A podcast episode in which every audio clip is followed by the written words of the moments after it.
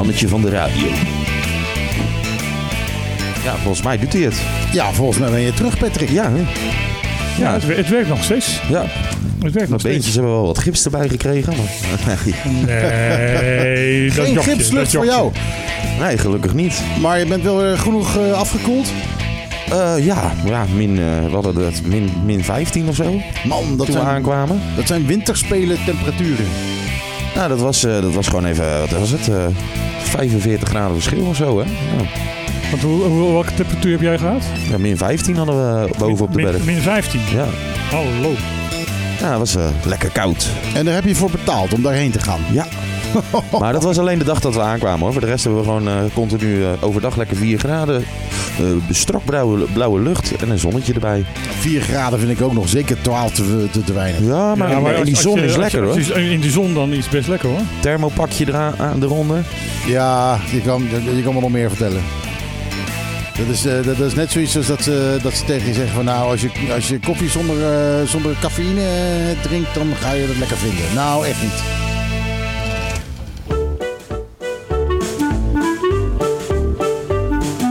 Elke zaterdag tussen 12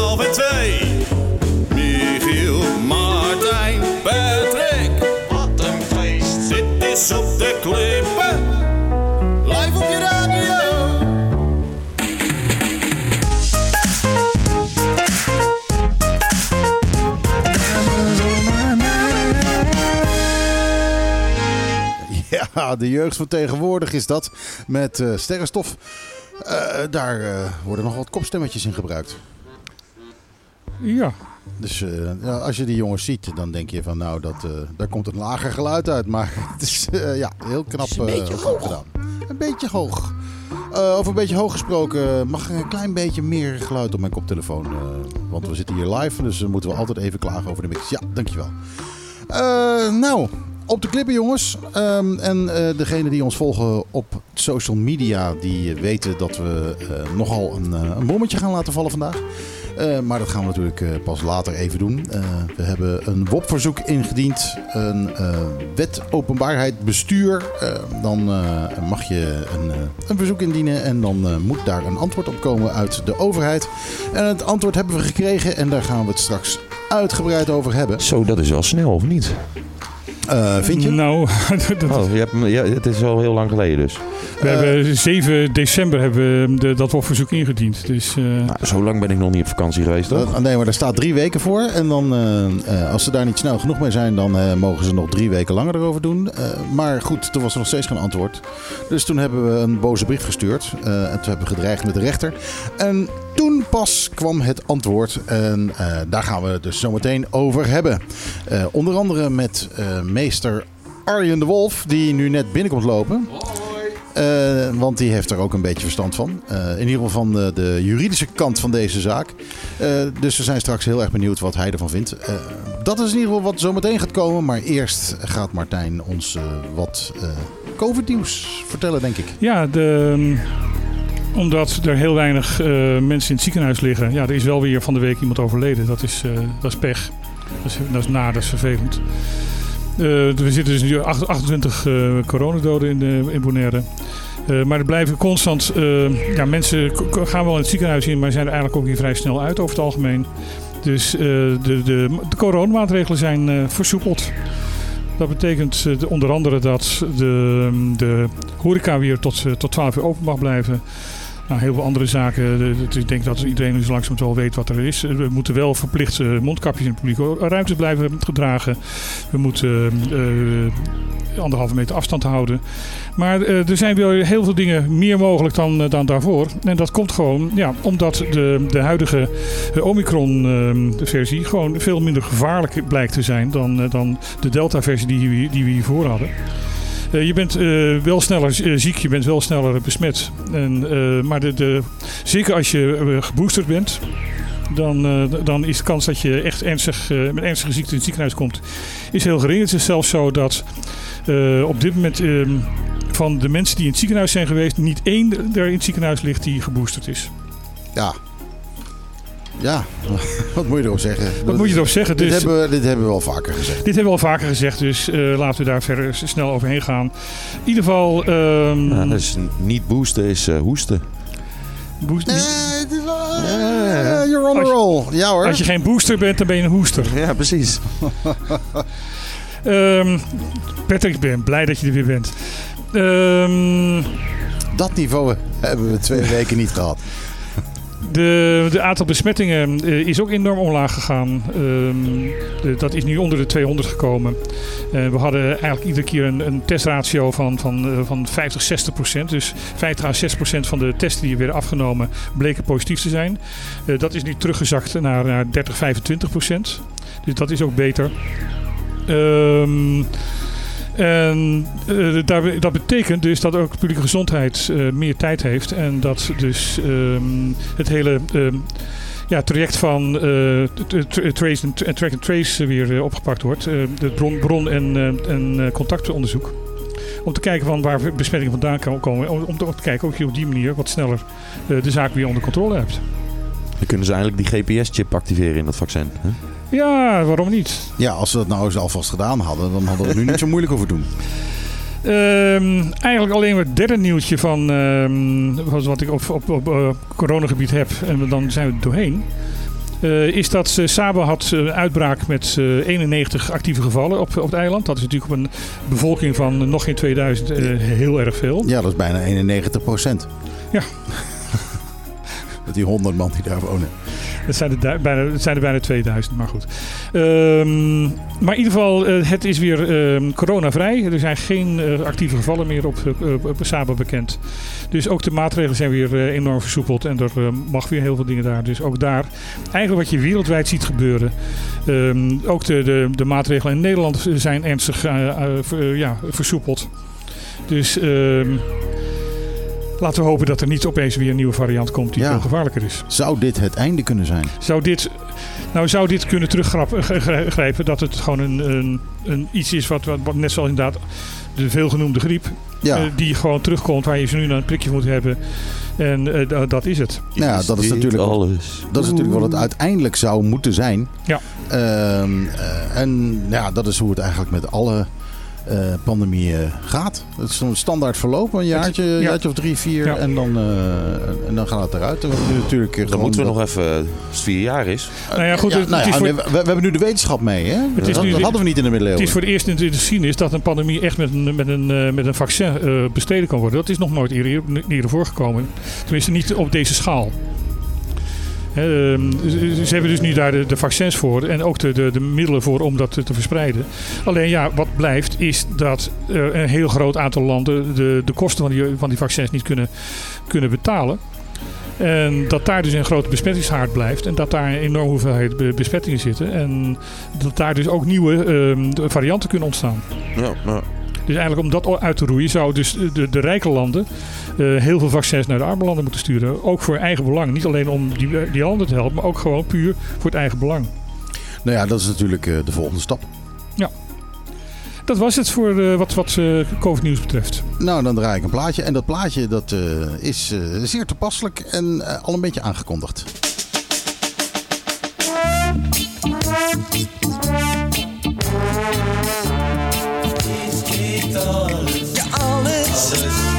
Ah, kom nou. Is dit alles? Ja, doe maar natuurlijk. Met is dit alles? Eh, dat is de grote vraag. Is dit alles? Het was in ieder geval alles eh, wat betreft eh, het, eh, eh, het, het COVID-verhaal. En dat is eigenlijk heel erg fijn dat er zo weinig was. Ja, dat eh, zien we altijd Dat heel is graag. altijd fijn. Ik ben benieuwd wanneer de dag komt dat we gewoon geen COVID-nieuws meer hebben. Dat we zeggen COVID, wat was dat? Ik denk dat dat eh, misschien dat wel dit Zo jaar, 2022. dit Hm? jaar nog wel gaat gebeuren. Dat we niet kunnen zeggen, nou we beginnen altijd met COVID-nieuws. Want eh, dan kunnen we er niet mee beginnen. Ehm, Arjen, maar, eh, of... eh, ik, ik wou zeggen als, Michiel. je, als je Arjen zegt, moet je niet mee aankijken. Nee, ik wilde ook Michiel zeggen, maar ik zeg wel een van de rare Nee, dat redenen. is- Arjen. Waarom weet ik ook niet, maar ik, ik, ik deed dat. Eh, Ja. Waar wil je mee beginnen? Ehm, laten we eerst nog een klein beetje algemeen nieuws doen. Oké, dat is goed. Ehm Bonhata ehm, de Vereniging voor eh, Bedrijven in de Toeristensector. De Bonaire Hotel and Tourism Association, Ja, afgekort BONHATA. van HATA.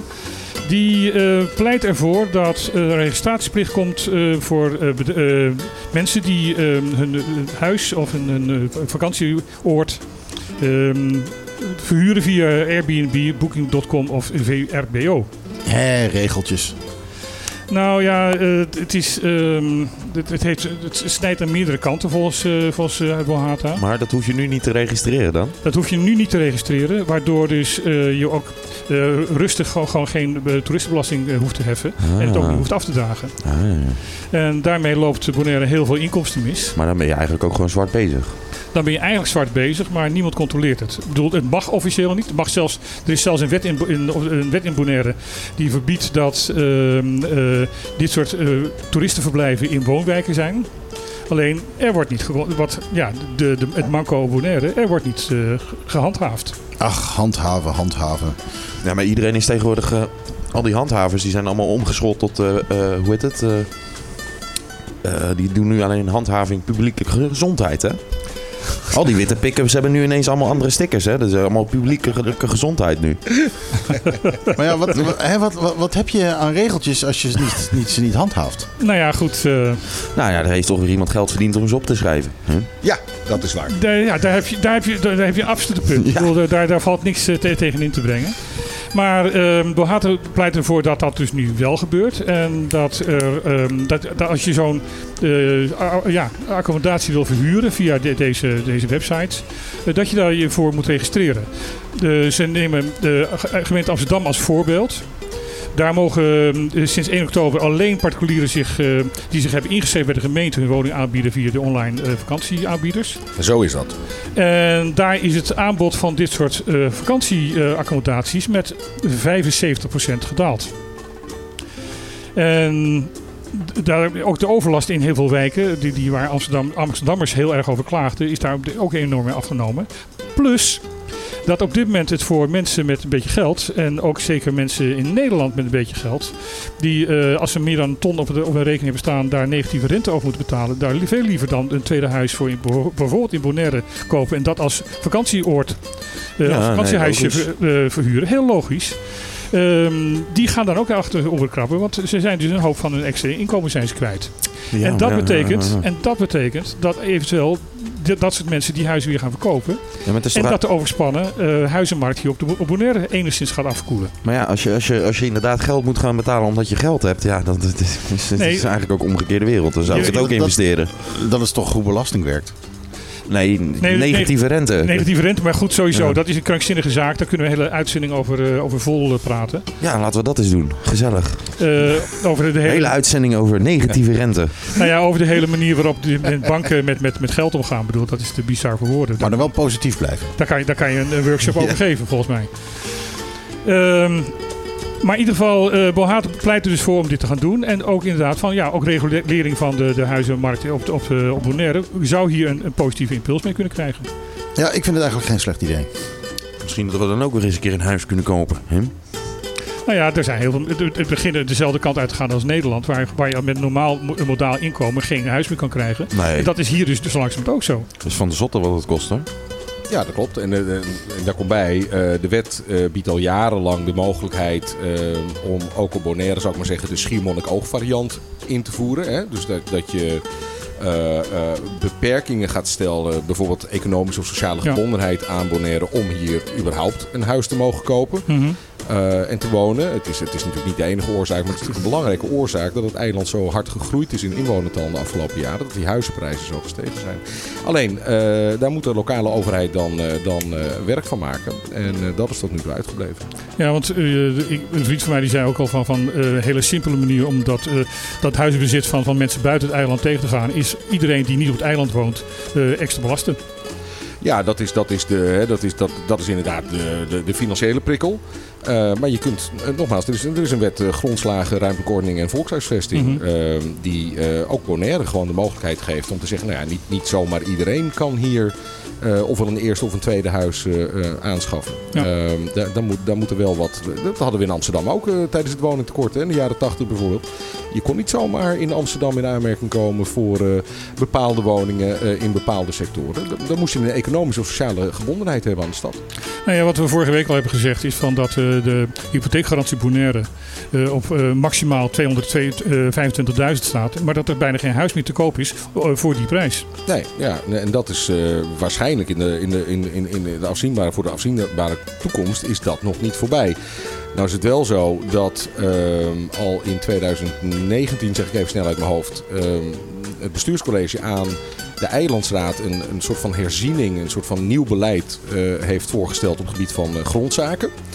Ehm, en van, even kijken, net na het reces, eh, het januari of het kerstreces, werd dat even herbevestigd in de Eilandsraad. Een beetje, ik zal niet uitleggen hoe dat nou precies ging, maar in ieder geval de Eilandsraad heeft gezegd, ja, dat, dat, dat lijkt ons een goed idee. En daarin wordt Dus ze, noemen, ze noemen dat toen een voorbereidend besluit, geloof ik. ja, er is een voorbereidingsbesluit genomen, eh, inderdaad. En daarin wordt bijvoorbeeld eh, de mogelijkheid eh, wat versoepeld om sneller voor erfpacht in aanmerking te komen. Maar ook om bijvoorbeeld op huurgrond, dus, dus landbouwgrond, Mhm. knoekoes, eh, om daar wat meer ontwikkelingen aan te brengen. Nou, hopelijk leidt dat ertoe dat eh, ook voor de mensen met een kleinere portemonnee het, het, het, het wonen, een Ja. fatsoenlijke woning, wat toegankelijker wordt. Maar je moet een paar dingen tegelijk doen. Ik denk dat het fiscale eh, eh, instrument belangrijk is. Maar ik denk ook dat er gewoon goede regelgeving moet komen. Mhm. Die een beetje in de gaten houdt. Van, nou ja, eh, die, die toestroom naar het eiland een beetje reguleert. En die mensen iets meer vrijheid geeft om op het land dat ze, dat ze huren of pachten of in eigendom hebben. om daar te bouwen en betaalbaar te bouwen. Belangrijke ontwikkelingen in ieder geval. En ik denk dat het belangrijk is dat daar inderdaad ontwikkelingen in komen. Ehm, iets heel anders. Ehm TUI heeft ehm, eh, tussen neus en lippen door eigenlijk nooit bekendgemaakt. Eh TUI had een extra eh, wat, wat luxere klasse. Dat was de, de deluxe klasse. En dat, dat was voor heel veel mensen aantrekkelijk, omdat het net tussen de, de, de, de, de economy in zat en de business class van, van, van KLM. Iets bredere stoelen, iets beter eten, maar vooral inderdaad beter zitten. Ehm, dat heeft u opeens, sinds Shokogo hier zit, afgeschaft. Niet zomaar afgeschaft, maar... Is, is- dit vergelijkbaar met wat, eh, wat KLM had, dat je, of heeft? Dat je, eh, wat is het, 20 of 30 centimeter extra eh, beenruimte kunt bestellen voor eh, 200 euro? Nee, ook de stoelen waren breder. Oh, oké. Die Maar dat, dat is dan nog steeds, toch? Dat is een hele kleine sectie. Maar... Ja, maar ja, dat, ja, ja. dat gaat nu veranderen. Daar, daar, daar wil ik naar, namelijk naartoe. Eh eh, TUI heeft dat alleen nog maar beschikbaar gesteld, die, die klasse, voor mensen die paketreizen. Dus bijvoorbeeld naar Shokogo, Oh. Shokogo eh, toe reizen. Die mogen in die deluxe klasse zitten. Als jij gewoon als, eh, als eh, inwoner van Bonaire ietsjes luxers naar Ne- Nederland wil. En bij de TUI ietsjes eh, wat... ehm, eten krijgt wat, wat je binnen, binnen kan, kunt houden.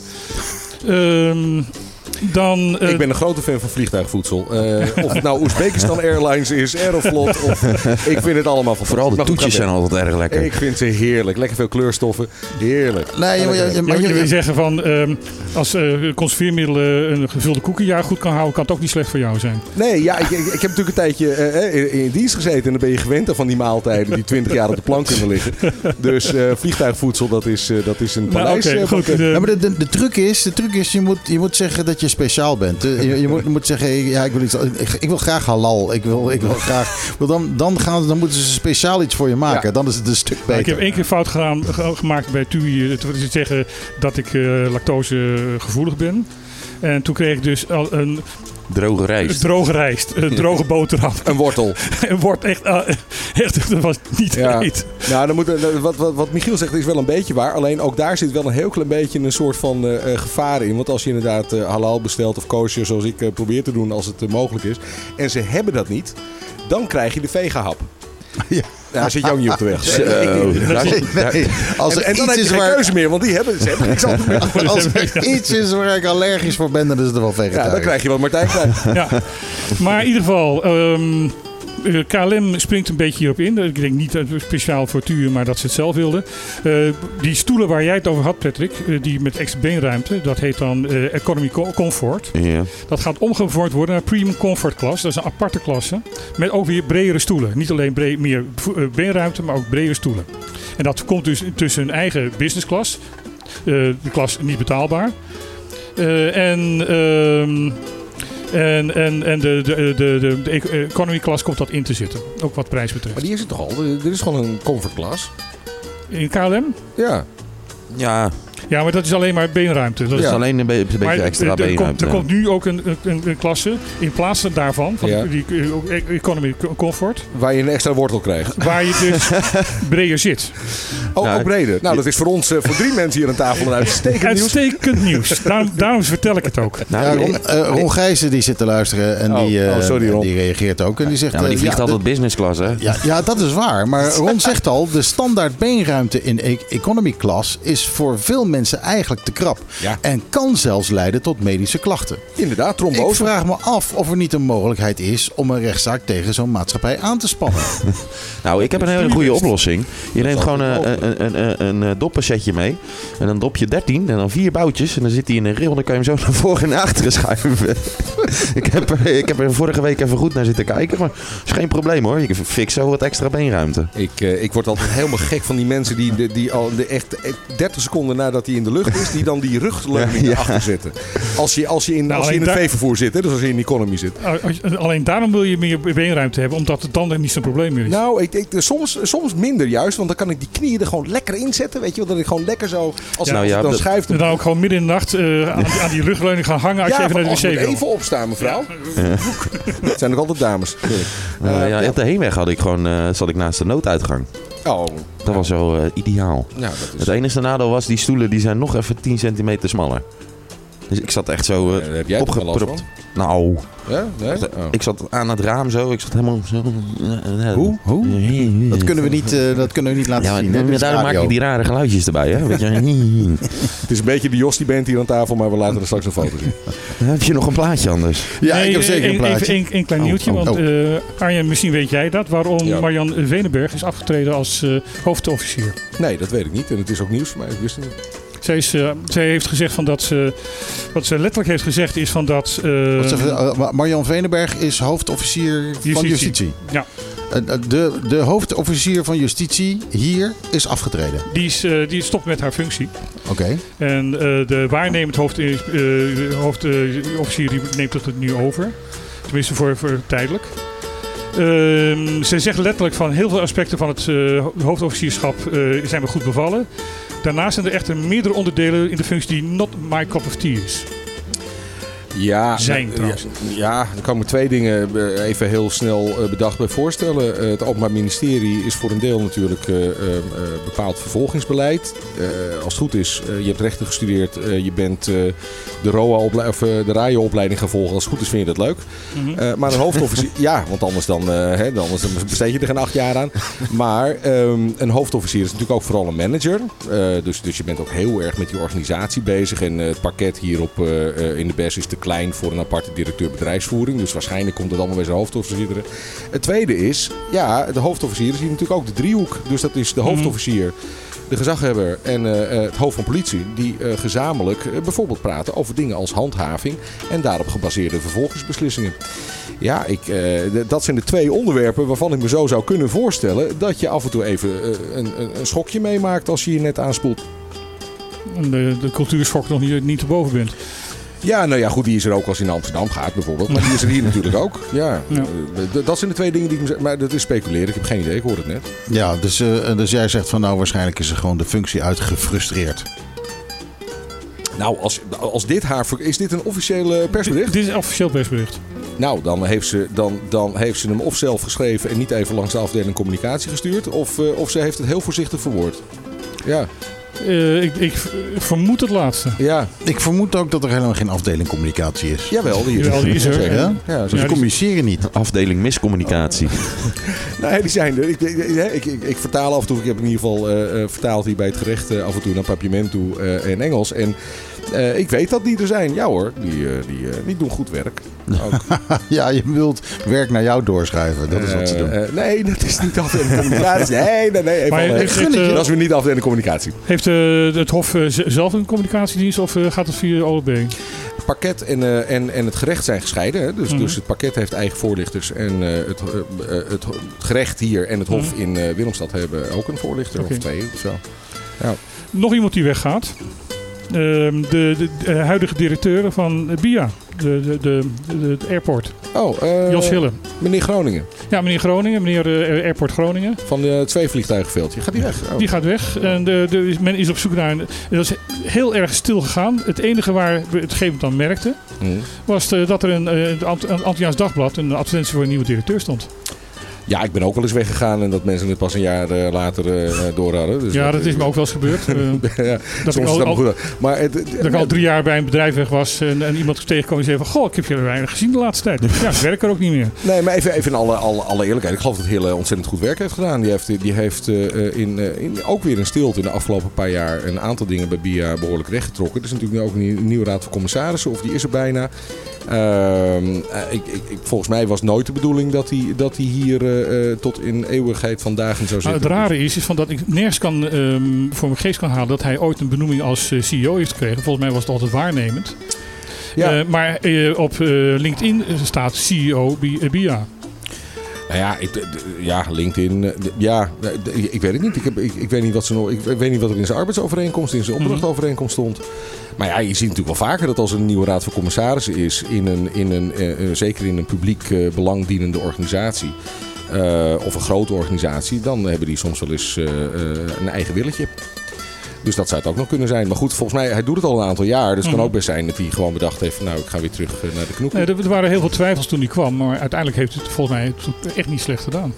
Nee, dat is ook, is ook niet mijn indruk. Ik, heb daar verder geen belang bij om dat te zeggen. Maar ook niet mijn indruk, nee. nee. Als, als reiziger. Goed, eh, tot zover. Eh, ik ga even een plaatje draaien en daarna gaan we maar eens even praten over het WOP-verzoek dat wij hebben ingediend bij het Openbaar Lichaam Bonaire.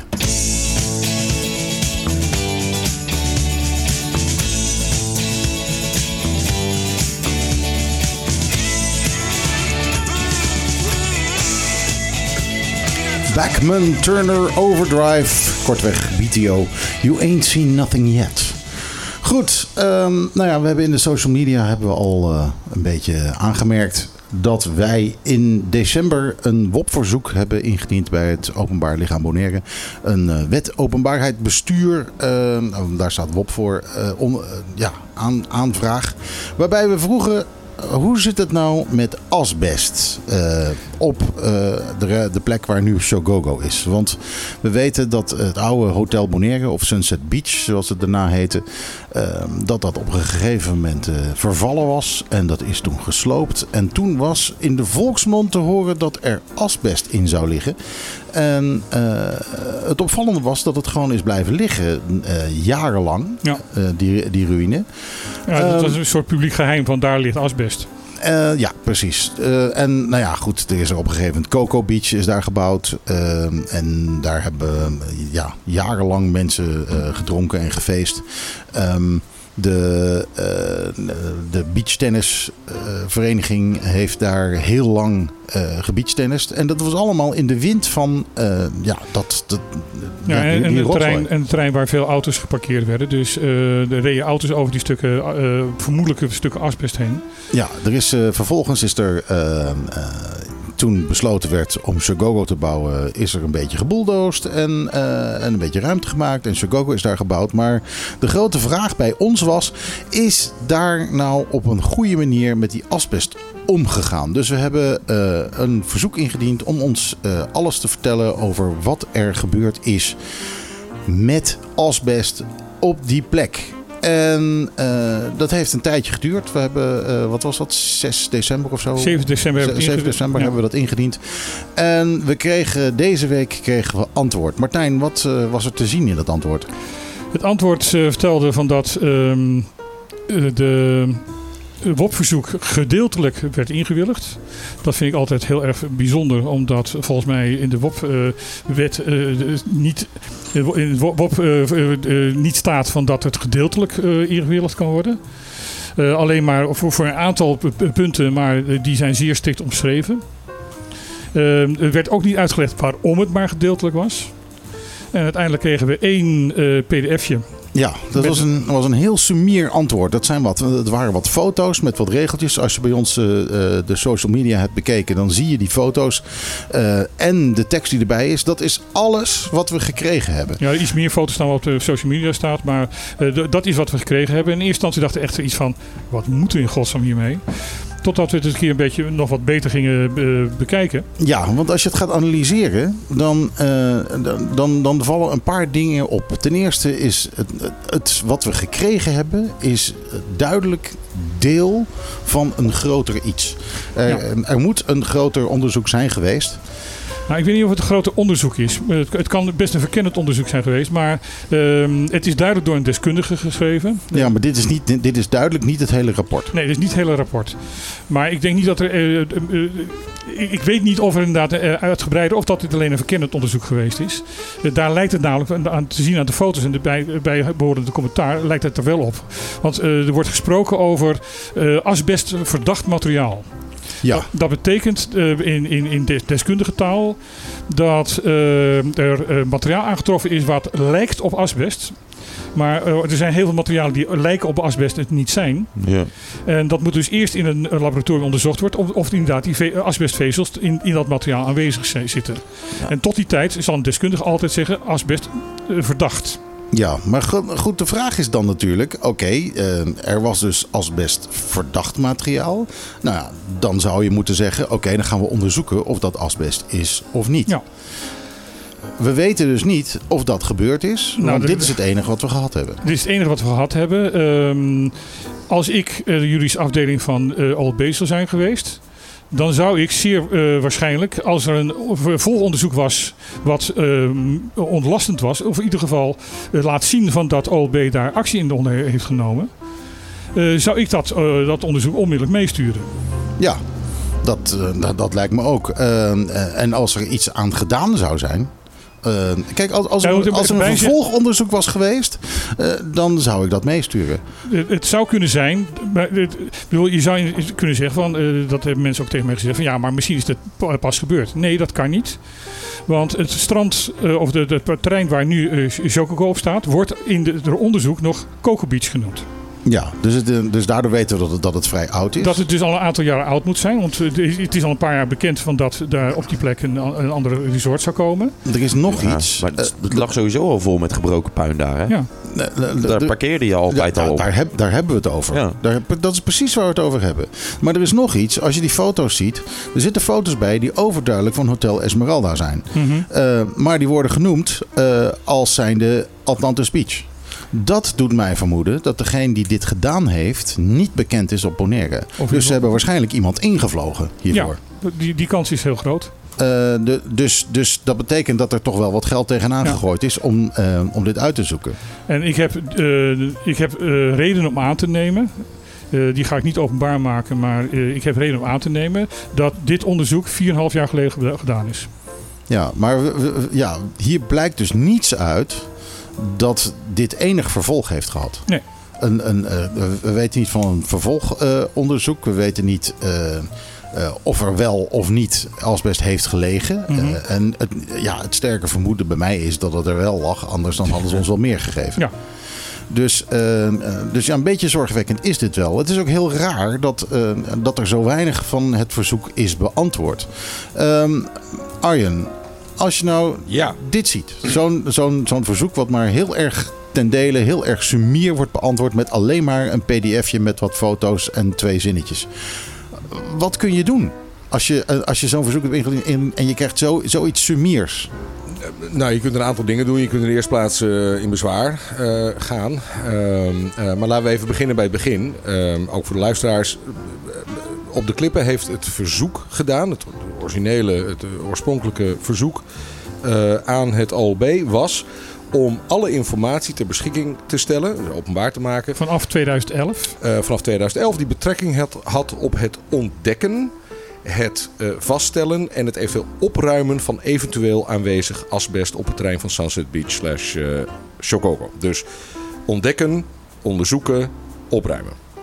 Eh, dat is dus een vrij breed geformuleerde vraag. Eh, er is allerlei jurisprudentie over eh, welk soort van informatie aan de overheidskant daar dan onder zou vallen. Dat is zelfs sinds 2019 zijn dat bijvoorbeeld WhatsAppjes en, en sms'en en e-mails van persoonlijke adressen ook van bestuurders. Dat wil zeggen, voor zover ze niet persoonlijke overwegingen bevatten die tot een bepaalde beleidsvorming leiden, maar die wel bijvoorbeeld een besluit bevatten of, Ja. een, of een duidelijke opvatting die uiteindelijk ook werd gedeeld door Ja. een ander. Maar dat kun je redacteren.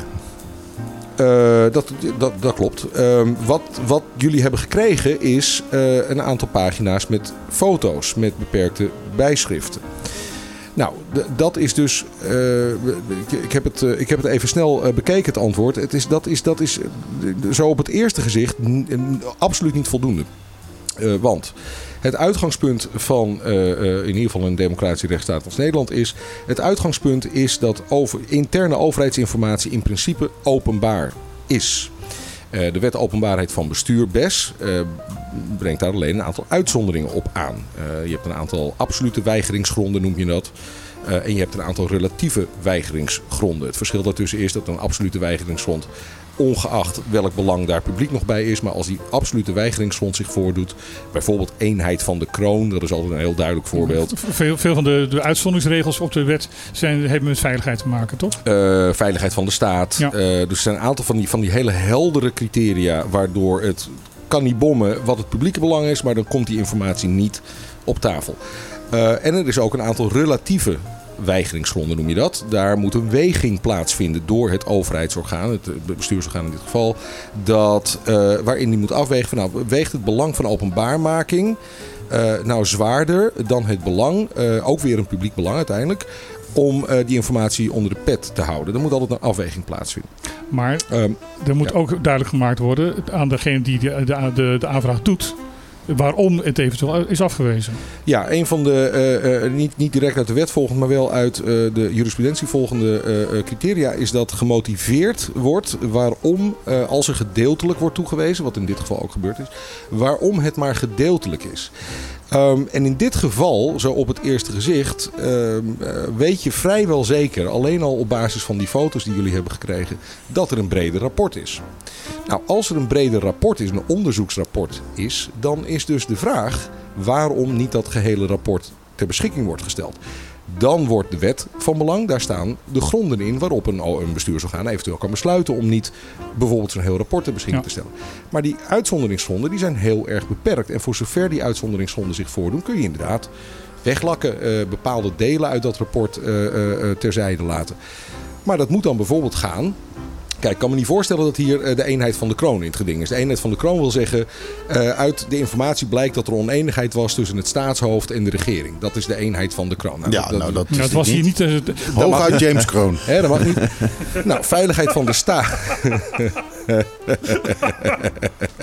eh, dat, eh, die, had ik, die, had- die had ik niet zien aankomen. Eh, ja, veiligheid van de staat lijkt me hier ook verder niet aan de orde. Dus, dus de, de absolute weigeringsgronden doen zich volgens mij niet voor. Er zijn nog twee of drie, maar die doen zich niet voor. Wat zich eventueel zou kunnen voordoen, is dat eh, ehm, eh, je bijvoorbeeld mag weigeren als door openbaarmaking bepaalde gevoelige eh, bedrijfstechnische, productietechnische informatie ter beschikking wordt gesteld in het openbaar. Dat gaat bijvoorbeeld over, eh, weet ik veel, je hebt een bepaald patent als bedrijf en je bent ingehuurd om een bepaalde klus te klaren. Je, wil niet, je hebt dat beschreven in je offerte. Je wil niet dat jouw bedrijfsgeheimpje, dat dat, dat, dat door de concurrenten, eh, eh, bij de concurrenten bekend wordt. Ik noem maar wat. Er is een aantal van dat soort gronden. Wat in elk geval geen grond is, eh, is dat als er een rapport is waarin staat... hier is mogelijk asbest of er is iets anders aan de hand... eh, we constateren dat het om zoveel kuub gaat, dat het om dit terrein gaat... dat hier en daar wat, eh, wat, wat ligt of niet ligt. En wij bevelen u aan om actie A, B, C, D. Er is geen mogelijkheid onder de wet waarin dat niet openbaar En zou vooral, er mag geen eh, eh, eh, ehm, dingen achtergehouden worden volgens mij... waar fouten van de overheid uit blijken. Nee, zeker niet. Eh, Sterker nog, eh, eh, de openbaarheid van bestuur Is juist om dient, te- nou ja. juist, Ja. de dient ter disciplinering van de overheid. Dus ook het toegeven van fouten is, is onderdeel van dat verhaal. Kijk naar de toeslagenaffaire in Europees Nederland. die voor een heel groot deel, los van de parlementaire onderzoeken, maar voor een heel groot deel, bijvoorbeeld ook door de redactie van RTL Nieuws, die Door vele WOP-verzoeken. Heeft Ja. gedaan in dit kader, waardoor we het naadje van de kous weten inmiddels. Dus eh, op het eerste gezicht, ik zou nog even verder moeten kijken, maar op het eerste gezicht eh, is dit eh, op geen enkele manier een voldoende antwoord. En dat leidt ertoe dat je zou kunnen besluiten. Je moet altijd eerst even in bezwaar tegen een beslissing van een bestuursorgaan, in dit geval de OB. Dan moet je bij het orgaan zelf in bezwaar. Ehm, en vervolgens zou je aan ingebrekenstelling, of sorry, aan beroep bij de rechter kunnen gaan denken.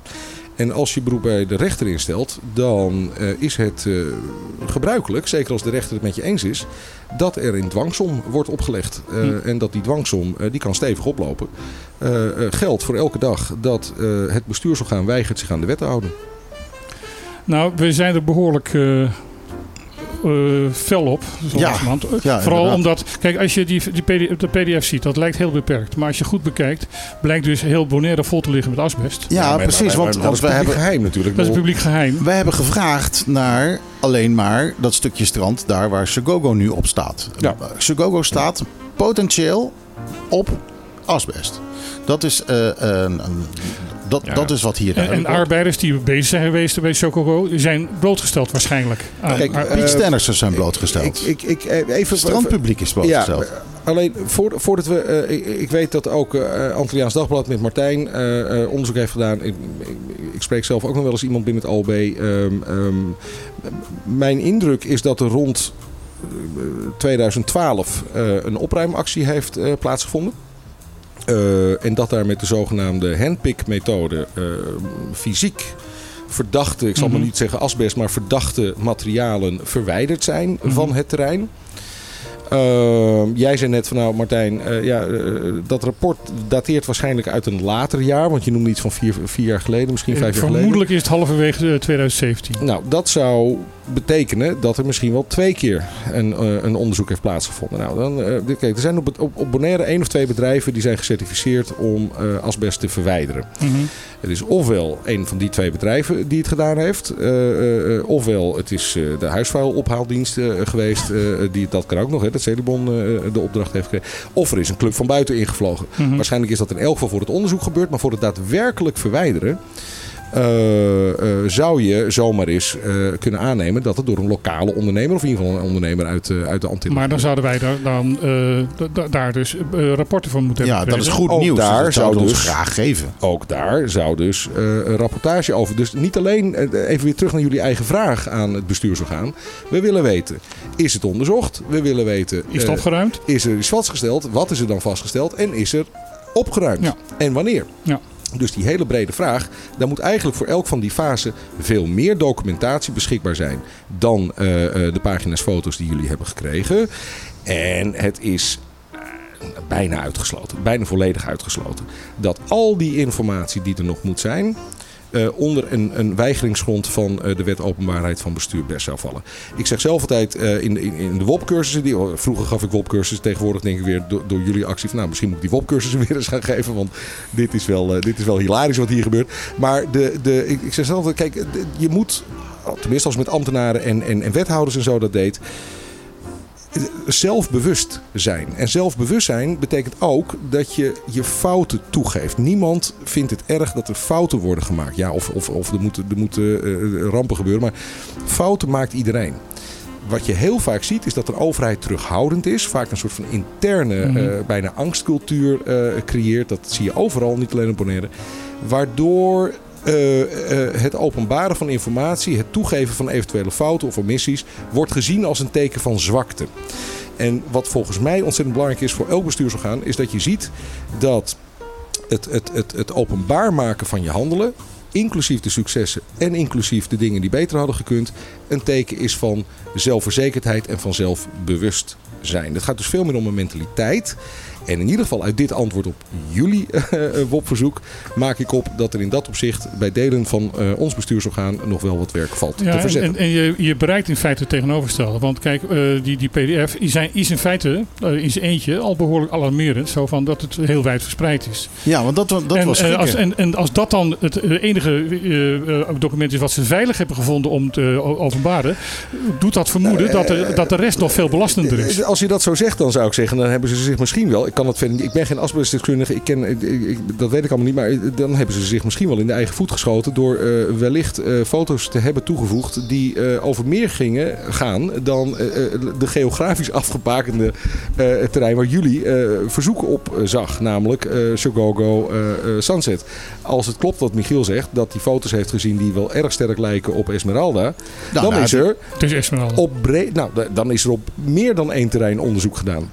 Dat er asbest is op het eiland, op allerlei plekken, dat weten we. Alleen, daar gaat het niet om. Het gaat erom, is er onderzoek naar gedaan vanwege het OLB? En kennelijk is er dus, als dit klopt met die foto's, dan is er dus op meer plekken onderzoek gedaan. Nou ja, er staat bij, er staat bij de foto's staat er ook van eh, illegaal sloopafval eh, met vermoedelijk eh, verdacht, asbestverdacht materiaal. Ja, ja. En dat, dat, dat is duidelijk ergens anders dan bij, bij. Ja, nou ja, dat, dat, dat, dat, dat moet ik dan even van jullie aannemen, dat, dat dat zo is. Maar als dat zo is, dan hebben ze meer bekendgemaakt dan ze eh, wellicht... eh, nou, ze hebben in ieder geval meer bekendgemaakt dan waar jullie om gevraagd hebben. Ja, precies. Daar zijn Eh, wij blij mee. Nou, nou ja, goed. Het is, eh, Maar wij zouden nog blij mee zijn geweest als het eh, dossier compleet was geweest. Ja, nou ja, dat is inderdaad. Kijk, stripverhalen zijn leuk. Ik kijk ook graag plaatjes. Maar eh, eh, dat is eh, in ieder geval in dit geval geen antwoord op het verzoek. Nou ja, we hebben gevraagd om informatie vanwege één drol. En we krijgen informatie, heel sumiere informatie. Maar daardoor weten we wel dat er drie drollen zijn. Misschien wel vier. Dus ja, een beetje, een beetje zorgwekkend is het wel. Eén ding wat we in ieder geval gaan doen is bezwaar. Eh, tegen dit WOP-verzoek. Dus eh, we hopen er nog wat meer uit te krijgen. En te zijn de tijd zullen we dat wel laten vertellen. Zijn we er niet mee tevreden, dan gaan we naar de rechter. Dat, bij deze eh, beloof ik dat iedereen. dat we dat gaan doen.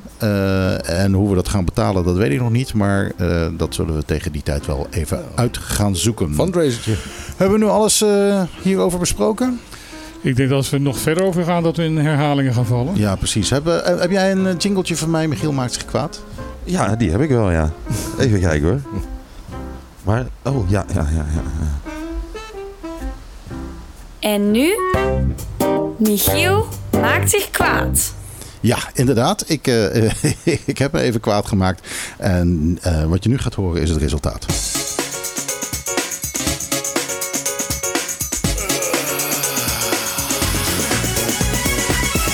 Vanmorgen stond ik op en keek uit het raam. Het was een prachtige zonnige dag. Ah, dus ik ging naar buiten en stapte in mijn auto. Ik reed naar het strand en ik regelde een lichtbedje. Ik rekte me uit en ik vulde mijn longen met kleine deeltjes in de lucht. Als ik adem, als ik zucht, boven zee en aan de kant, in de moenie en op het strand. Het OLP verbiedt plastic zakjes. Oceaanvriendelijke zonnebrand is een ding. Er wordt gecontroleerd op alcohol.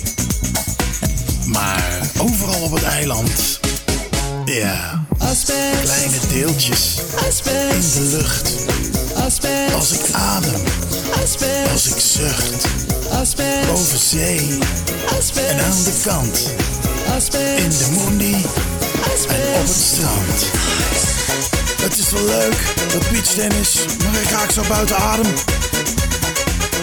En dat bier bij Coco Beach, dat sloeg altijd zo op mijn longen. Nou weet ik waarom.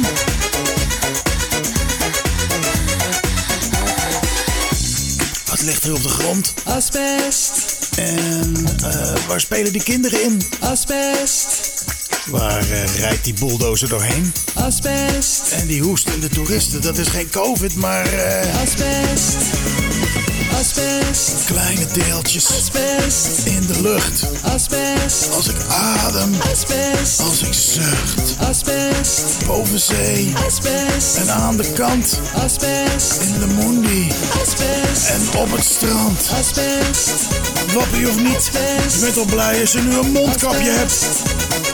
asbest, asbest, Kleine deeltjes asbest, in the air. Asbest, Een cadeautje asbest. van Monair.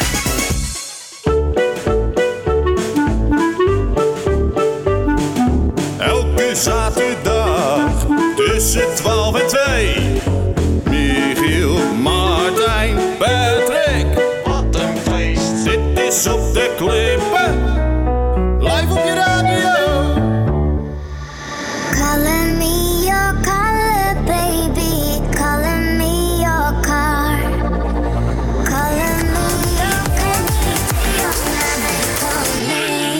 Ja, uit de Nederlandse top 40. Gabri Ponte en Rehab en Timmy Trumpet. Eh, en dan zit er geen damesnaam bij.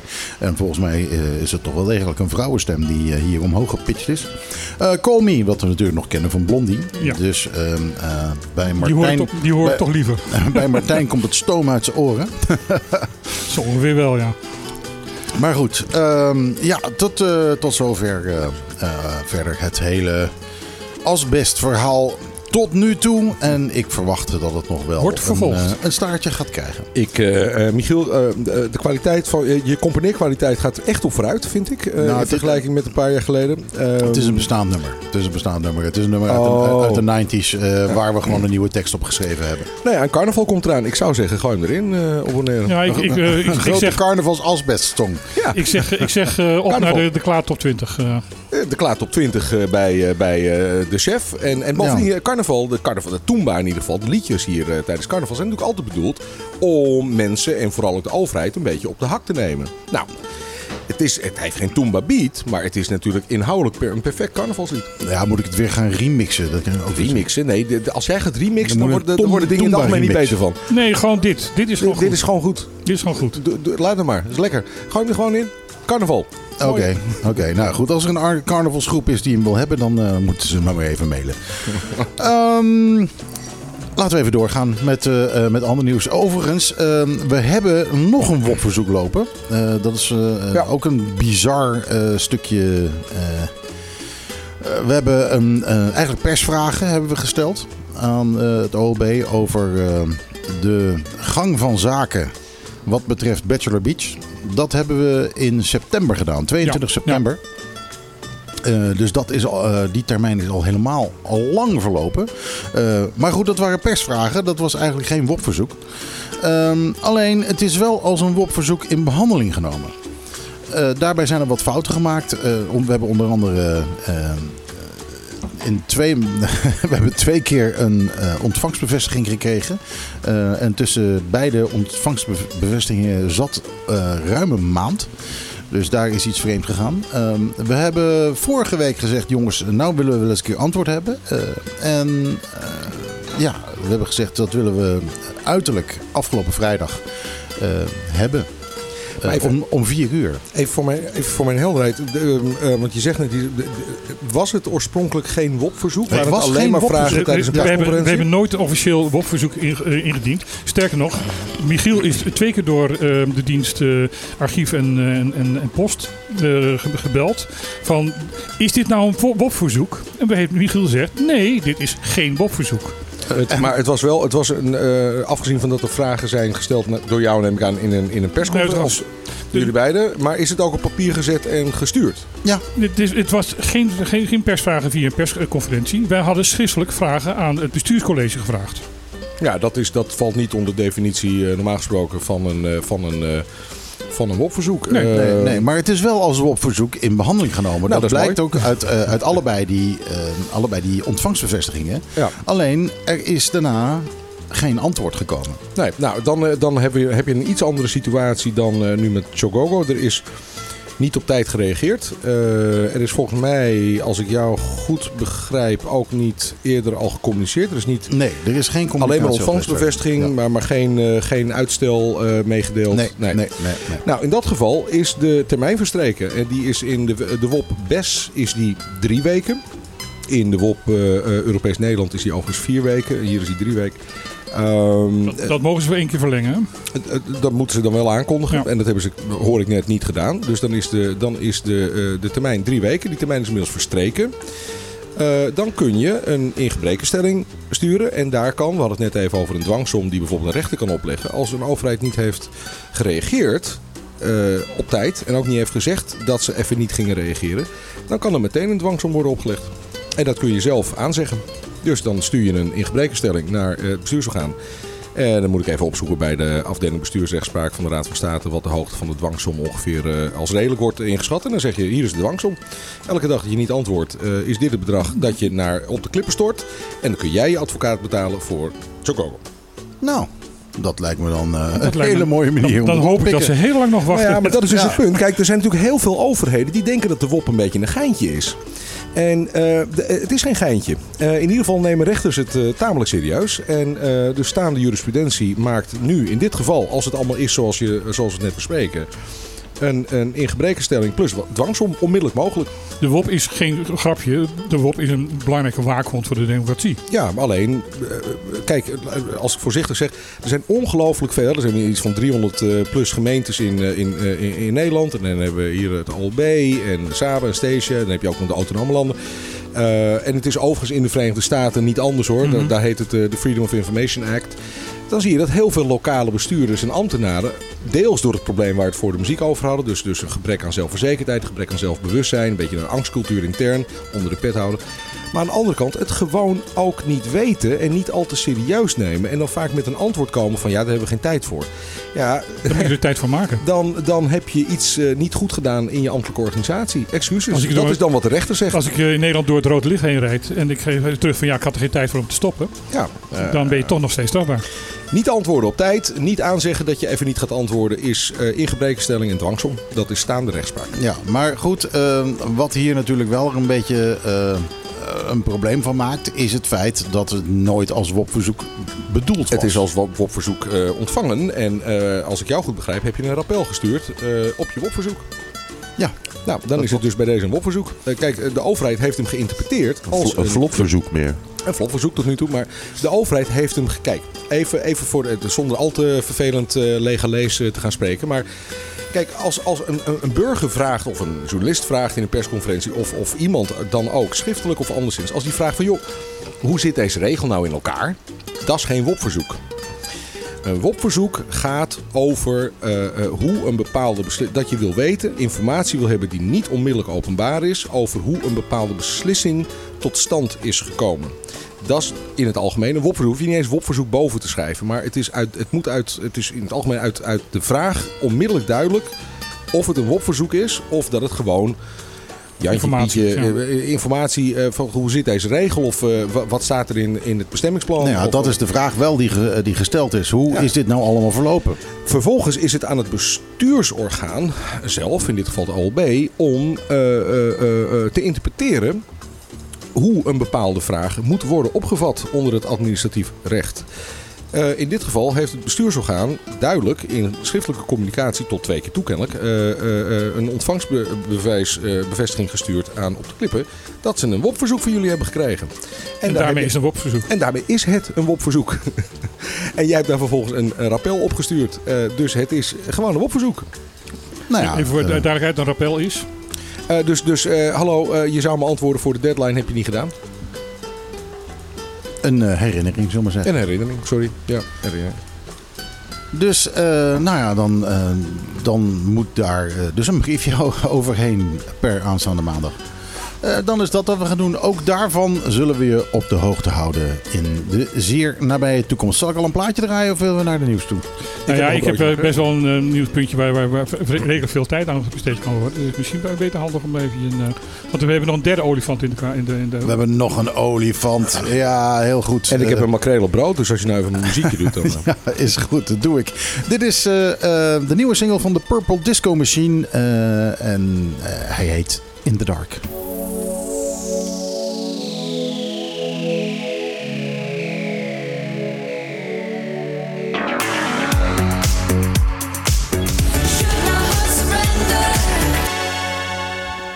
Ja, dan heb ik nog steeds een volle mond. Een volle mond. Ja, nou ja, dat Kan je niet helpen, sorry. Maar ik had toch gezegd dat het de Purple Disco Machine was. Dus eh, Ja, ja. Zeg het nog eens. Purple Disco Machine. Ja, nu zit de microfoon helemaal onder. Samen, samen met Sophie en de onder de, de, de, nog. de tuna eh, salade. Oh, anders even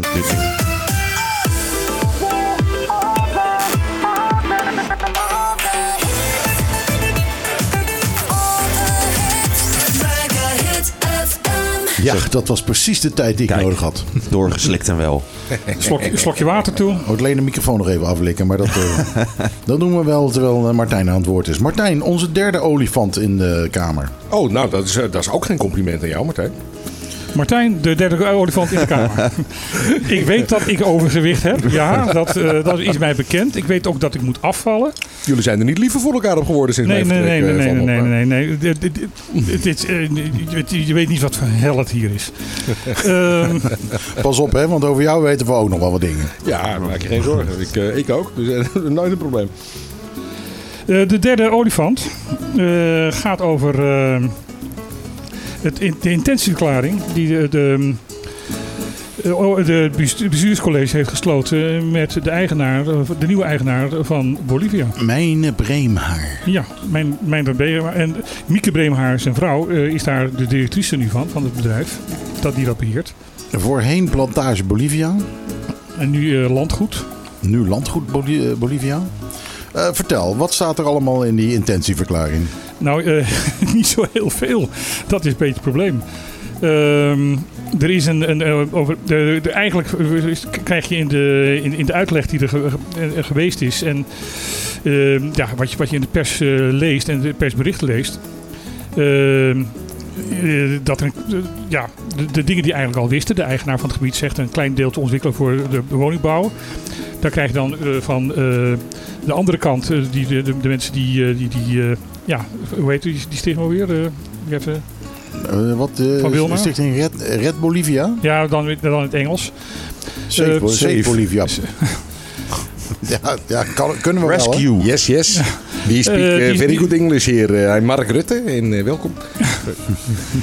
Die zegt eh, van ja, jongens, ehm, eh, let op. Eh, deze mensen hebben eh, toen ze de zaak kochten gezegd van dat er 2% eh, besteed zou gaan worden aan, aan ontwikkeling van woningbouw, landbouw en tuinbouw. Toen werd het opeens 20%, daar kwam een heel veel protest tegen. En nu is het opeens 10%. Dus wat gaan ze nou eigenlijk doen? Ja. Eh, ehm, de rest van, nou in ieder geval, er zegt nu inderdaad dat- dat eh, 90% eh, van de natuur ehm, hersteld wordt, onder professioneel beheer wordt gebracht. En dat eh, de natuur hersteld wordt, want ehm nou, Mi- Mieke eh Breemhaar die, die herhaalt wat ze al een keer eerder heeft gezegd. De, de, de natuur is nu daar een zootje. Nou, ik denk van dat is een, eh, Ongerepte natuur. dat is een, een mening. Ja, een- een natuur een zootje. Als de natuur zijn beloop laat gaan, eh, dan ziet het eruit als een zootje. Maar dan is het de natuur. Daarom zeg ik ook van dat is geen feit, maar dat is een mening. Ja, Zij, zij vindt het er als een zootje uitzien. Heel veel eh, bi- biologen zeggen van eh, dit is herstel van, van, van eh, natuurlijke e- e- ecosystemen. En heel belangrijk daarmee. Nou, precies. In Nederland staan alle bomen op een rijtje. Dat ziet er ook niet uit. Ja, maar het is altijd een beetje een eeuwige discussie. Hè? Ehm, eh, het eiland, ehm, toen de Spanjaarden het ontdekten, eh, werd het eh, Isla do Brasil genoemd. En dat eh, ging om het Brazilhout. Eh, dit eiland stond bom en bom vol met bomen. Het was een oerwoud. Ja, geldt overigens ook voor een, het overgrote gedeelte van wat dan nu Plantage Bolivia is. Ja. Ehm, ehm, kijk, de natuur is er nog maar heel beperkt op, op Bonaire. In de zin van natuur die nooit door mensen is, be- is beïnvloed. Ehm, en dan vervolgens kom je in, eh, in, in vrij, eh, vrij lange, soms heel erg leuke, maar in ieder geval altijd heel lange discussies over wat dan precies eh, goed natuurbeheer is. Ja. Daar blijven we even nu in dit programma buiten. Oh, jammer. Gaat verderop over Stinapa zie ik, dus uh, uh, Ehm, vast voorzitje. de- maar zij zeggen ook van ja, we willen dus de geiten buiten houden. Om er natuurlijk meer een kans te geven. Nou, het lijkt me een goed plan. Maar ehm, dan wordt inderdaad van de, de andere kant gezegd van ja, eh, beseffen deze mensen wel dat dat een hek van 24 kilometer is. Nou, dat staat er al. Dat hebben ze al neergezet. En eh, dat dat ook onderhouden moet worden. En dat dat dus veel geld gaat kosten. Ja, ja. Nou ja, goed. Ik heb, kijk, ik, ik, ik ga ervan uit dat, dat eh, het, de, de, het exploitatieplan voor, eh, voor dat terrein eh, voorziet in een manier om eh, de kosten terug te verdienen. Ja. Ja. Maar eh, voor de rest, en, en daarom geef ik ook zo'n commentaar erop. ehm eh, zegt het hele intentieverklaring, tenminste het persbericht daarover, eigenlijk vrij weinig over ja, wat, wat er nou eigenlijk gaat gebeuren. Wat er nou, hè, dus zegt van de 10% gaat, gaat eh, daar gaan woningen geplaatst worden. Eh, betaalbare woningen, dat is al, al een, een, een, een, nadere to- toelichting. Maar ja, wat, wat reken je onder betaalbaar? Er is ook wel eens gezegd dat ze er een eh, Davos aan de oostkust van wilden maken. Ja, de, de plannen. En zijn dat- ze ook al op de teruggekomen. plannen Ja, er zijn zou een heel dorp komen, of tenminste een heel Ja. nieuw stadje. Er zou een heel nieuw stadje komen, er zouden wegen naartoe, er zouden eh, wegen naartoe gelegd worden. Supermarkten. Dus, eh, eh, het, het, het probleem is van wat hebben ze nou eigenlijk in die intentieverklaring afgesproken? Want dat, dat wordt eigenlijk niet uit de persberichten wordt dat niet helemaal duidelijk. Nou, de, de, de intentieverklaring staat volgens mij ergens online. En daar staat, dat is een, dat is een typische intentieverklaring. Mhm. Eh, dus, dus daar, staan, daar staat over en weer goede wil in geformuleerd. Ja. Eh, maar geen eh, afrekenbare doelstellingen in termen van... eh, Nee. en we gaan dit doen en daar heb je nu al toestemming voor. Maar, maar, over die intentieverklaring hebben ze dus al een jaar lang intensief ambtelijk overleg gehad. Ja, omdat, omdat het natuurlijk zo is dat, dat vanaf het moment dat ehm, de NV die het terrein in eigendom had, ehm, eh, onder leiding van voormalige gezaghebber Richard Hart, ehm, op het moment dat die aandelen werden verkocht aan wat dan nu de nieuwe beheersmaatschappij is, waar de controlerend individu eh, eh, de familie Breemhaar is, ehm, eh, Breemhaar is dat vanaf dat moment al dat er natuurlijk enorm veel eh, discussie over plaatsvindt. Dus ik kan me ook heel goed voorstellen dat de lokale overheid dan even, even bedenkt van nou ja, Mhm. we, eh, we, gaan, we gaan stapsgewijs Ja. verder. En eerlijk gezegd zag je dat ook aan de kant van de, van de ontwikkelaars. Ik, ik, het lastig, ik vind het lastige aan het plan, eh, voor zover we er wat over weten. Want we, we horen heel veel, maar we hebben er eigenlijk nog niet zo ontzettend veel concreets over op papier gezien. Dus laat ik het ook anders zeggen. Ik vind niet iets lastigs aan het plan, want er is nog niet een concreet plan volgens mij. Althans niet eh, publiek. Maar als je op dat terrein wat, wat vrij afgelegen ligt, ook als het gaat om bijvoorbeeld het wegennet, ook als het gaat om bijvoorbeeld het stroom- en waternet, als het gaat om allerlei publieke voorzieningen, riool, eh, maar niet eh, eh, te vergeten, dat je eigenlijk het inderdaad hebt over een soort van uitbreiding, inpoldering bijna à la Lelystad en Almere. Dus het is een enorme operatie. Als je daar nou plotseling weer allemaal mensen wil gaan laten wonen en werken, eh, dan, is daar, dan komt daar nogal een publieke investering bij kijken. Mhm. Daar moet je denk ik heel erg goed rekening mee houden dat, dat, je dat, dat je dat dan gaat doen. Er is op zichzelf niks tegen om te zeggen, laten we nou eh, eh, ontwikkelen voor wonen en economie. En tegelijkertijd ook investeren in herstel van natuur. Ik ben daar alleen maar voor. Alleen in de uiteindelijke, dus niet, niet per se de bedrijfsmatige kosten voor zo'n onderneming. Mhm. Maar wel, welke lasten brengt dit nou mee voor de eh, gemeenschap, voor de overheidskas? En dan niet alleen maar in puur termen van geld, maar ook in termen van wat krijgen we daar dan voor terug in termen van verrijking van bijvoorbeeld het landschap.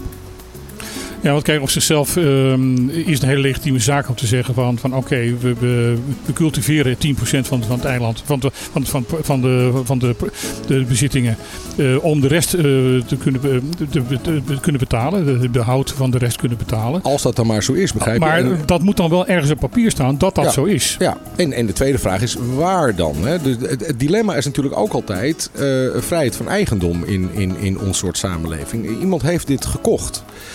Ja, dan, dan moet je als overheid, vind ik, dat is mijn persoonlijke opvatting, goede redenen hebben om, om eh, iemand die eigendom heeft te weigeren dat hij eh, bepaalde ontwikkelingen aangaat met zijn eigendom. Ja, maar als ik een schuurtje in mijn tuin wil zetten, dan moet ik daar al een vergunning voor aanvragen. Laat Dus staan als je hier een heel dorp wil gaan bouwen. Nou, dus, dus er zijn logische beperkingen, eh, want die, die, die stel je als gemeenschap. Het ging me even om het principe. Hè. Dus in principe is er eigendom. Eigendomsrecht is, is belangrijk in ons soort samenlevingen. Dus dan moet je wel verdomd goed kunnen beargumenteren waarom je daar beperkingen op en Daarom begrijp ik in principe heel erg goed waarom de overheid de- deze intentieverklaring wilde hebben. Omdat ze dan eh, meer, omdat ze eraan meewerken, eh, ook meer, eh, eh, ja, meer de vingers in de pap hebben. Ja. En vingers aan de pols hebben wat daar gebeurt en, en daar eventueel invloed op hebben. Nou, en ik, kijk, ik denk dat de bredere vraag is, en daar is Bolivia maar een voorbeeld van, maar we weten dat er op een aantal andere plekken op het eiland ook eh, groots en meeslepend wordt gedacht als het gaat om eh, eh, verdere ontwikkeling. De grote vraag die we onszelf moeten stellen volgens mij als eiland is... Kijk, toerisme is, is, een, is, een, is een mooi ding. Dat brengt voor heel veel mensen brood op tafel, inkomen, et cetera, et cetera. Voor ons allemaal, voor de kas en voor salarissen. Eh, toevloed eh, naar het eiland van meer toeristen, meer bewoners is niet op zichzelf een slecht ding.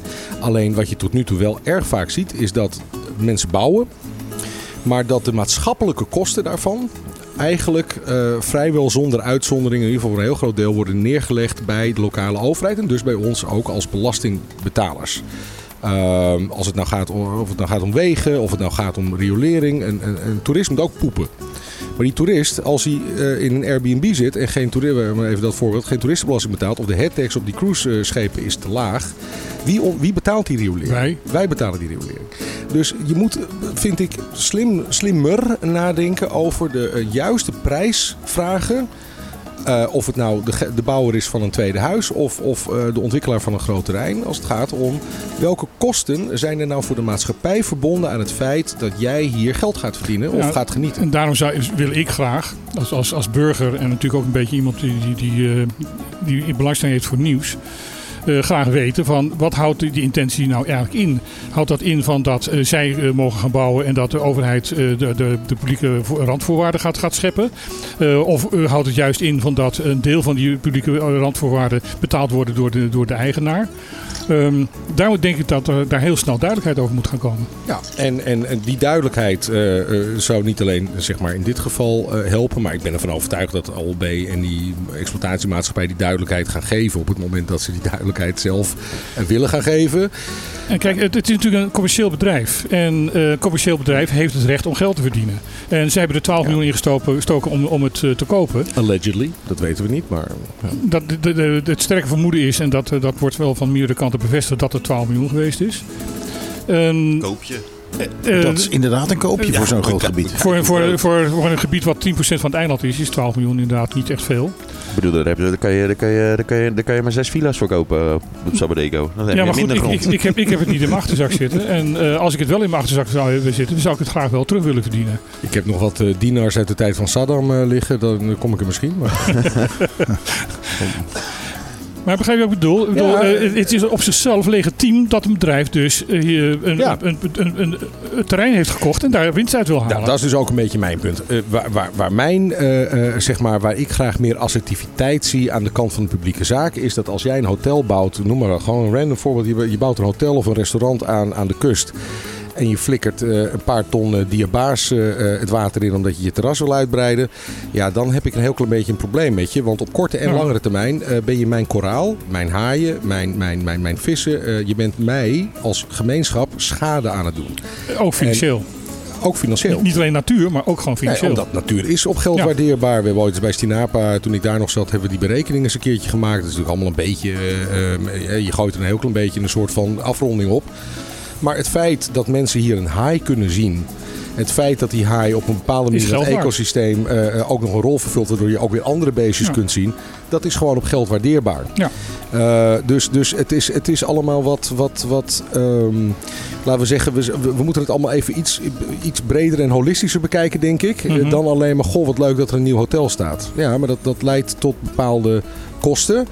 En aan de kant van de ondernemer hoop ik dan dat we daar ook vanaf het begin af aan helder over zijn. Want een ondernemer is volgens mij best bereid om rekening te houden met het maatschappelijk effect van zijn investering. Ja, en- Als hij het maar kan plannen in, in het begin in zijn kosten. In de hele, eh, de hele situatie duurt al nu al een paar jaar. En eigenlijk heeft de- deze ondernemer nog nooit duidelijkheid gegeven wat hij wil. Integendeel, hij heeft al iedere keer weer met, is hij weer met andere plannen gekomen. Dus ik, ik begin zo langzamerhand te twijfelen of, of de, de, de eigenaar zelf eigenlijk wel weet wat hij wil. Nou, misschien misschien, eh, is, is dat, misschien is dat ook wel niet zo. Misschien, en, en is dat erg? Misschien, misschien is er inderdaad een investering gedaan. Je had het er net al even over. Eh, stel je hebt meer dan een ton op de bank je bent in, in Europa betaal je negatieve rente. Het is natuurlijk niet gisteren begonnen dat mensen vanuit Europa, maar ook vanuit de Verenigde Staten, aan Ja, het investeren ja. zijn geslagen op Bonaire. Want als je hier in stenen en grond investeert, dan haal je er waarschijnlijk meer uit, in elk geval op langere termijn meer uit, Mhm.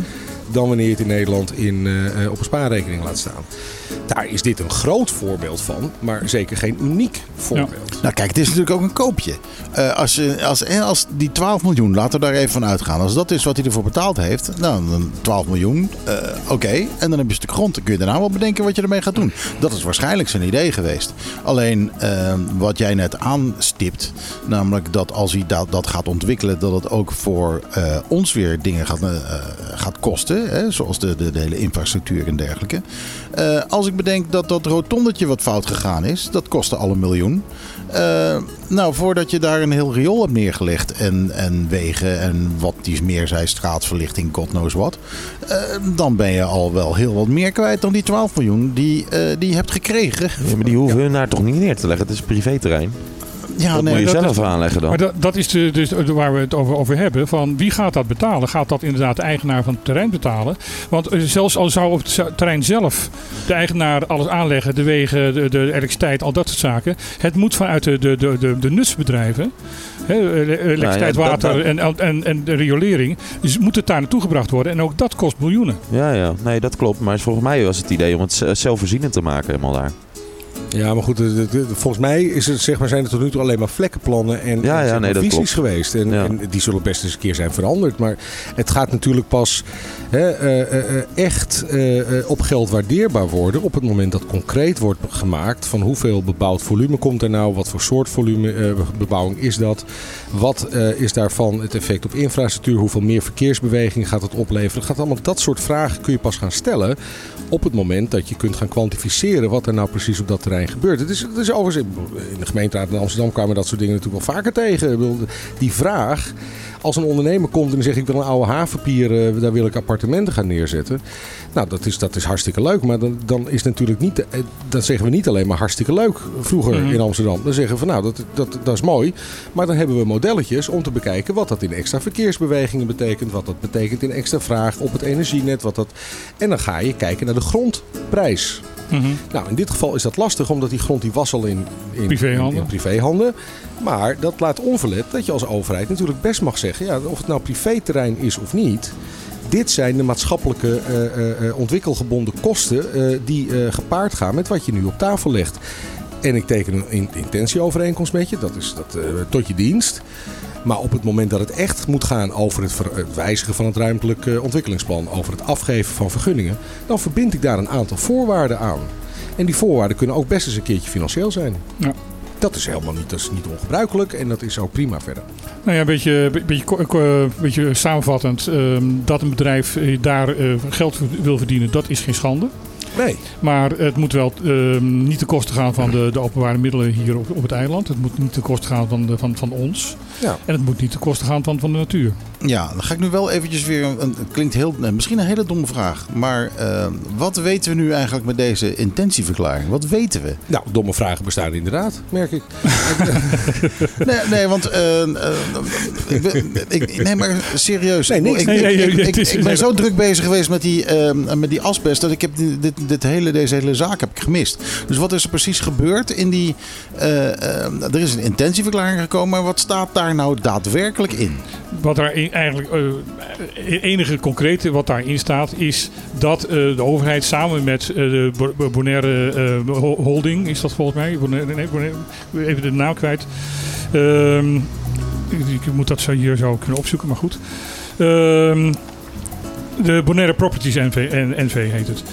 Ehm, Dat, dat die naam nog vrij was bij de KVK trouwens. Ja, ja, inderdaad. bizar. Bonaire Properties. Dat- niemand? Nee, niemand. Eh, nou, Of, really? ze, of ze hebben de, de naam overgekocht van anderen. Dat kan natuurlijk ook. Dat zou zomaar kunnen. Ze hebben inderdaad ze hebben de aandelen overgenomen. Dat klopt, ja.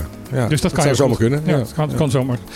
Maar in ieder geval eh, dat eh, de, de intentie is uitgesproken dat men met elkaar gaan samenwerken om dat terrein ehm, eh, goed te beheren en, eh, en, en te ex- exploiteren. Ja, maar, maar goed, helemaal niets over hoe, niets over Nee, dat- plannen. Plannen zijn al twee of drie keer veranderd. Nee, maar goed, dat, maar dat, dat staat meestal niet in een intentieverklaring. Intentieverklaring is alleen dat je de intentie hebt om samen te werken. Intentieverklaring is onder trouw.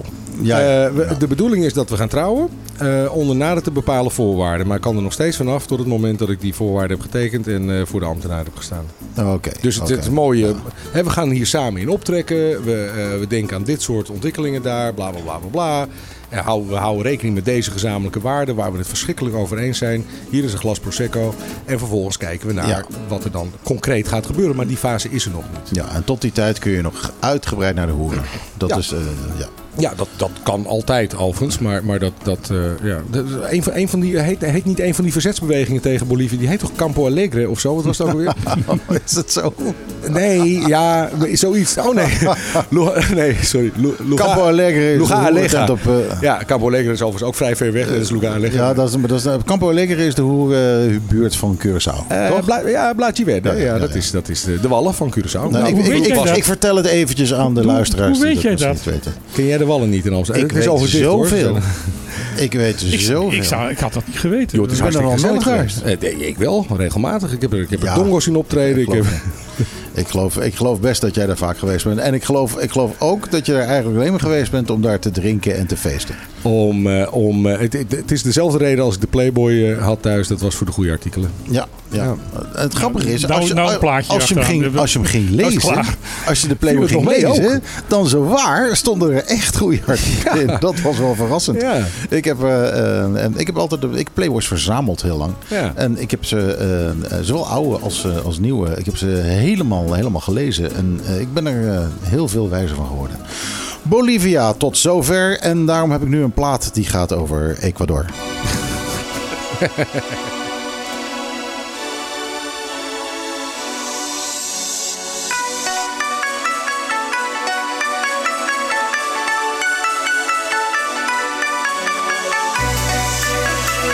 Sash met Ecuador. Een eh, plaatje uit de negentiger jaren. Martijn.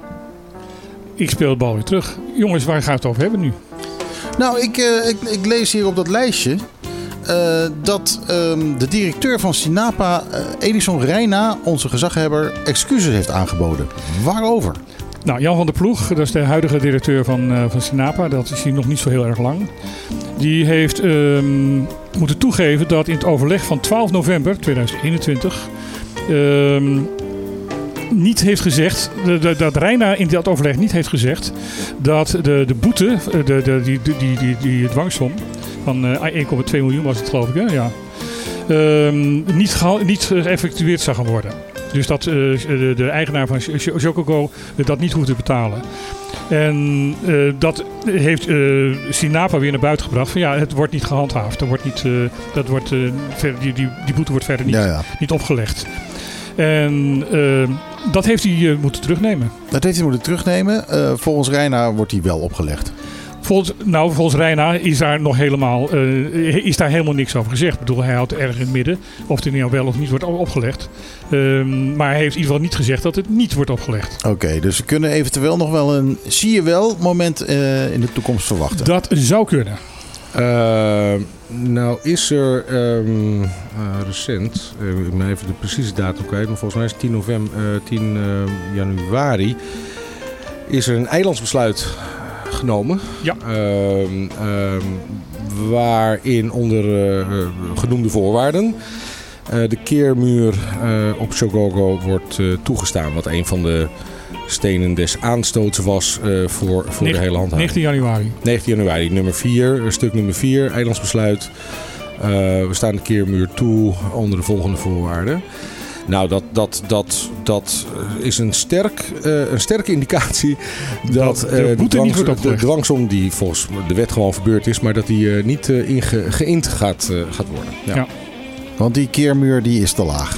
Die keermuur is is te op dit laag. moment eh, 20 centimeter te laag, meer, maar die moet 20, eh, even uit mijn hoofd. Er is een hele bijlage in het Eilandsbesluit onder waterpark. Ja, ik heb hem hier voor precies me. is beschreven Ik heb, hem welke hier, ik heb hem hier voor me. Ja, dus eh, de- hij was te laag, er allerlei dingen aan de hand met dat ding. Eh. Er zijn 18 voorwaarden waar- voldaan moet worden. Ja. Ja, ja, dus, dus in dit geval eh, eh, keermuur te laag.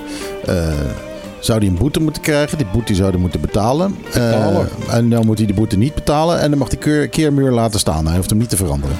Nee, hij moet die keermuur, eh, hij krijgt vergunning om een keermuur te plaatsen die voldoet aan de voorwaarden die in de vergunning eh, zijn eh, opgenomen. Ja. En als het goed is, sporen die vergunningvoorwaarden met de wet. En de wet is het Eilandsbesluit onder waterpark. Eh, overigens ging eh, de handhaving eh, destijds ook over de aanleg van het artificiële straf, van het kunstmatige straf. Nee, maar hoe gaat dit? Want ik maak me daar namelijk al, ook al een tijdje druk over. Ja. Dat het er echt naar uitziet dat je hier gewoon eigenlijk een beetje kan doen wat, ja, wat je wil. En dan is er iemand die zegt van... hé, hey, wacht even, dit is niet helemaal volgens de regeltjes.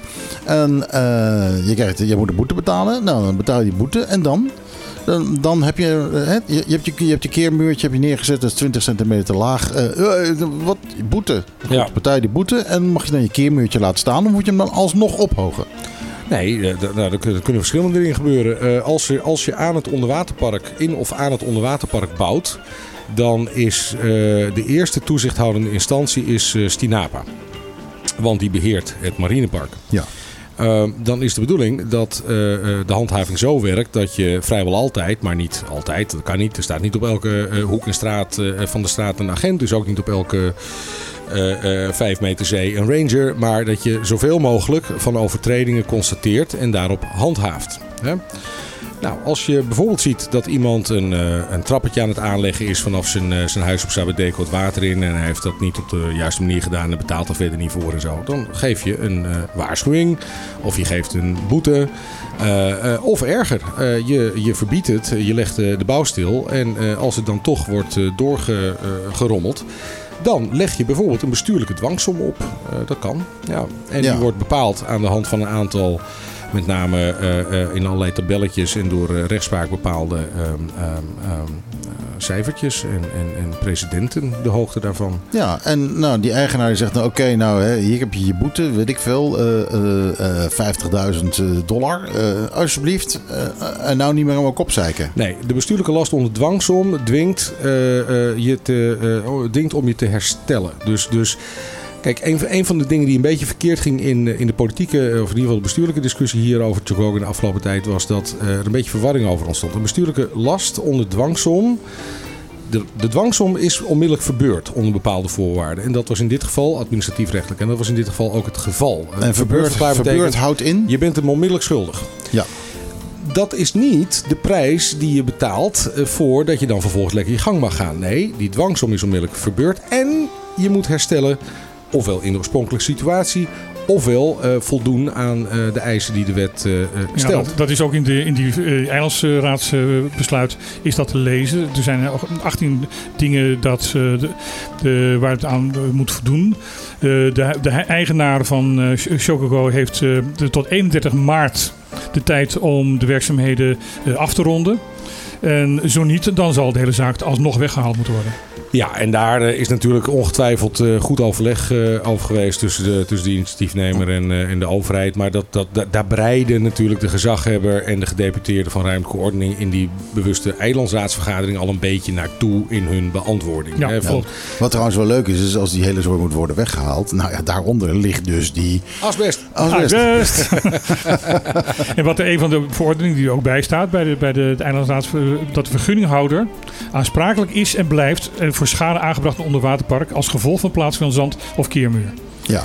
Ja, maar dat, dat, dat, is, dat is goed dat het expliciet in de vergunning staat. Eh, maar dat is natuurlijk in het begin altijd zo. Dat geldt, dat, dat, dat geldt voor elke, eh, eh, iedereen die schade doet aan een onderwaterpark, of je Mhm. vergunning hebt of niet.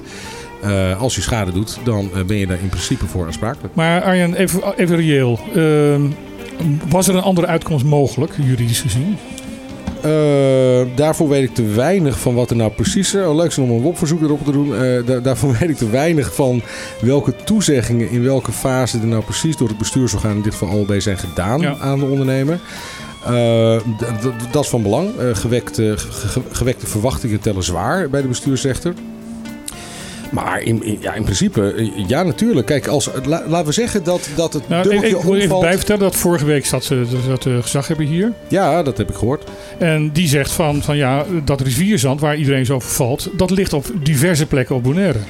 Ja, Dus Ik daar, daar, daar kunnen we dus niet op eh, eh, naar, naar de rechter toe gaan.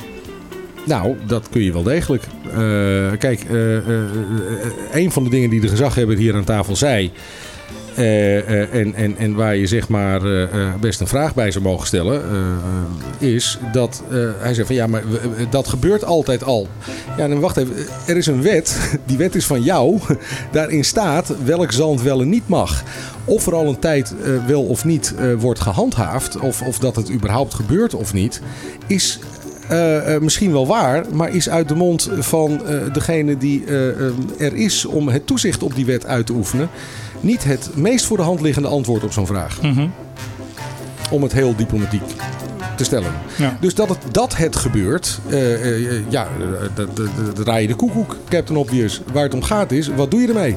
Dus even strikt gezegd, van, in plaats van dat hij zegt van, dat de gezaghebber zegt, eh, ik, interpreteer jouw woorden eventjes. Ja. Eh, in plaats van dat de gezaghebber zegt van ja, het ligt er nou eenmaal op andere plekken, dus we gaan het toestaan. Zou eigenlijk moeten zijn van nee, we staan dit niet toe, want het is niet eh, het zand wat hier hoort. Dus ook het zand in mijn achtertuin, mijn strandje, bijvoorbeeld mijn ambtswoning, moet ook weggehaald worden. Ik heb geen idee wat er in de achtertuin van de gezaghebber ligt. rivierzand. Nou, kijk, als, als Want dat is wat hij vorige week zei. Het antwoord dat hij, dat hij volgens mij zou kunnen hebben gegeven is... Dit kan gewoon niet. Ja, het is een situatie die al langer bestaat. Sterker nog, eh, zonder dat ik het wist, is er ook bij mij eh, zand gestort in mijn achtertuin. Waarvan ik niet precies wist waar het vandaan kwam. Maar dit kan niet. Dit is niet wat de wet toelaat. En we gaan daar nu op handhaven. En we gaan eh, eh, ingrijpen op die situaties. Herstellen van de situaties waar het in het verleden gebeurd is. Dat is volgens mij het antwoord dat je als eh, voorzitter van de driehoek en handhaver geeft. Nou, met deze bombshell eh, slu- sluiten we af. Ja, we zouden hier nog uren over door kunnen gaan. Misschien volgende week gaan we, pikken we het weer op. Eh, sowieso pikken we van alles op, op, denk ik, volgende week. Ehm, lieve mensen, wat fijn dat jullie geluisterd hebben. Eh, we hopen dat jullie er ook wat wijzer van geworden zijn. Ik in ieder geval wel. Ehm, wij zijn er volgende week weer. Straks na dit programma eh, en na het nieuws eh, geen Kla Top 20 eh, door omstandigheden. Eh, het spijt me, eh, maar ongetwijfeld wel eh, andere dingen, muziek en dergelijke. Het geouwe hoer is voor deze week afgelopen, maar volgende week zijn we er weer tussen 12 en 2. Dit was Op de Klippen en wij zeggen met z'n allen... Ajootje, cadeautje.